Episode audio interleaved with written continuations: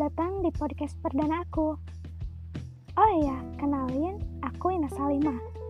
Di podcast yang berjudul Selamatkan Bumi Kita Dari Sampah ini, aku mau sedikit nge-review film dan juga video yang udah aku tonton. Nah, yang pertama itu ada video yang berjudul Urban Series 1. Di mana dalam video ini memperlihatkan bagaimana kondisi lingkungan serta keadaan masyarakat Indonesia. Oke teman-teman semua, sadar atau tidak sadar, sebenarnya kita itu tergantung pada yang namanya FMCG, fast moving consumer good, atau produk-produk yang memiliki perputaran produksi yang sangat cepat. Di mana FMCG ini merupakan kebahagiaan yang hanya sekitar 3-5 menit, tapi plastiknya bakalan abadi. Menurut data dari salah satu TPS, tepatnya di TPS Bantar Gebang, volume sampah per hari itu rata-rata 6.000 sampai 7.000 ton per hari.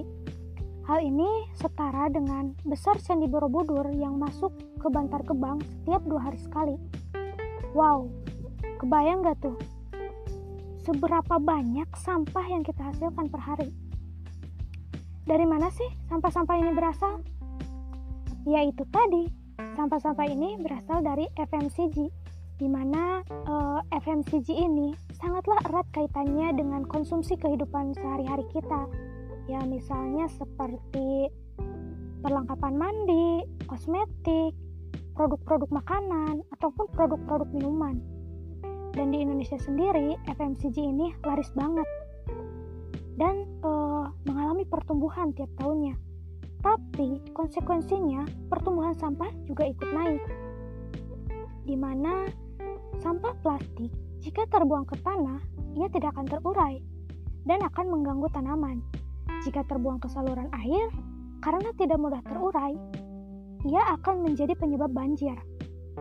Dan jika dibuang ke laut, ia tidak akan terurai, hanya akan menjadi mikroplastik atau potongan-potongan kecil yang kurang dari 5 mm. Menurut World Economic Forum dalam The New Plastic Economy Rethinking the Future of Plastic disebutkan bahwa pada tahun 2050 jumlah mikroplastik jauh lebih banyak daripada jumlah ikan. Padahal di masa depan setelah hutan dihabisi, sumber protein kita akan tergantung ke laut.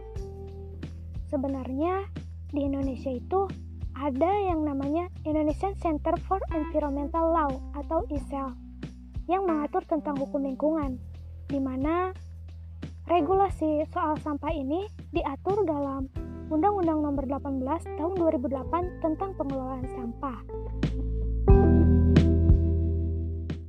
Oke, yang selanjutnya review mengenai film animasi yang berjudul Wall-E Film ini bercerita tentang seorang robot bernama Wall-E yang diprogram khusus untuk memadatkan sampah yang ada di bumi. Film ini bersetting 800 tahun dari sekarang, di mana bumi sudah tidak lagi ditinggali oleh manusia.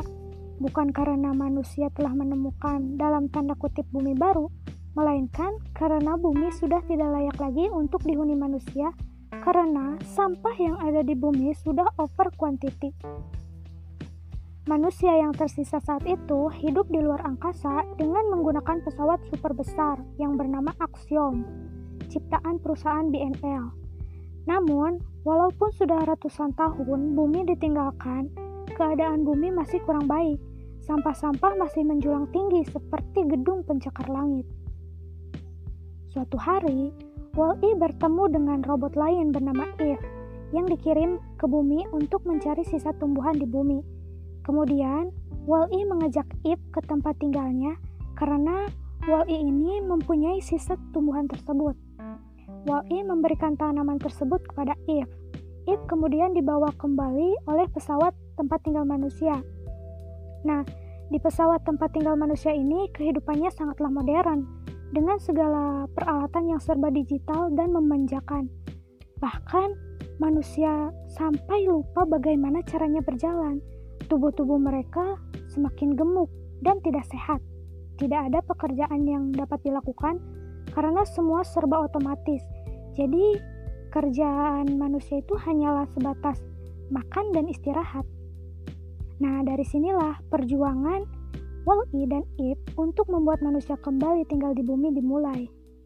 Hingga pada akhirnya, setelah melalui perjalanan panjang yang rumit, Wall-E dan Ip berhasil membuat manusia kembali tinggal di bumi. Nah, jika kita kaitkan film animasi Wall-E ini dengan kondisi lingkungan dan budaya masyarakat kita, film ini sudah sedikit menggambarkan kehidupan masyarakat kita yang gaya hidupnya itu konsumtif, yang suka shopping berlebihan, entah itu barang ataupun makanan. Di sisi lain juga, si produsen hanya memikirkan profit tanpa menelusuri dampak produksi sampah yang meningkat dan tidak terkontrol.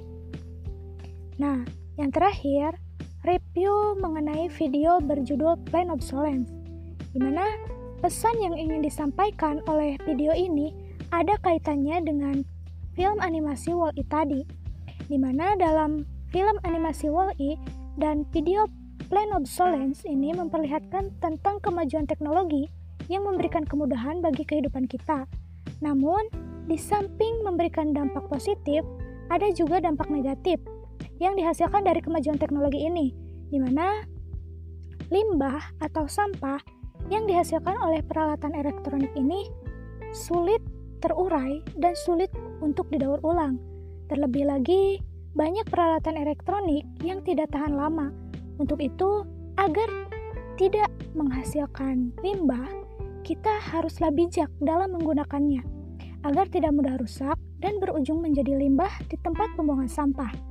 Tapi e, sebisa mungkin kita jika peralatan elektronik kita rusak, kita perbaiki dulu agar bisa dipakai ulang atau kita daur ulang menjadi barang yang berguna. Oleh karena itu, mari kita jaga bumi kita, mari kita selamatkan bumi kita dari sampah.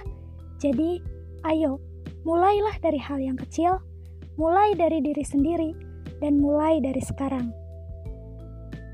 Terima kasih sudah mendengarkan.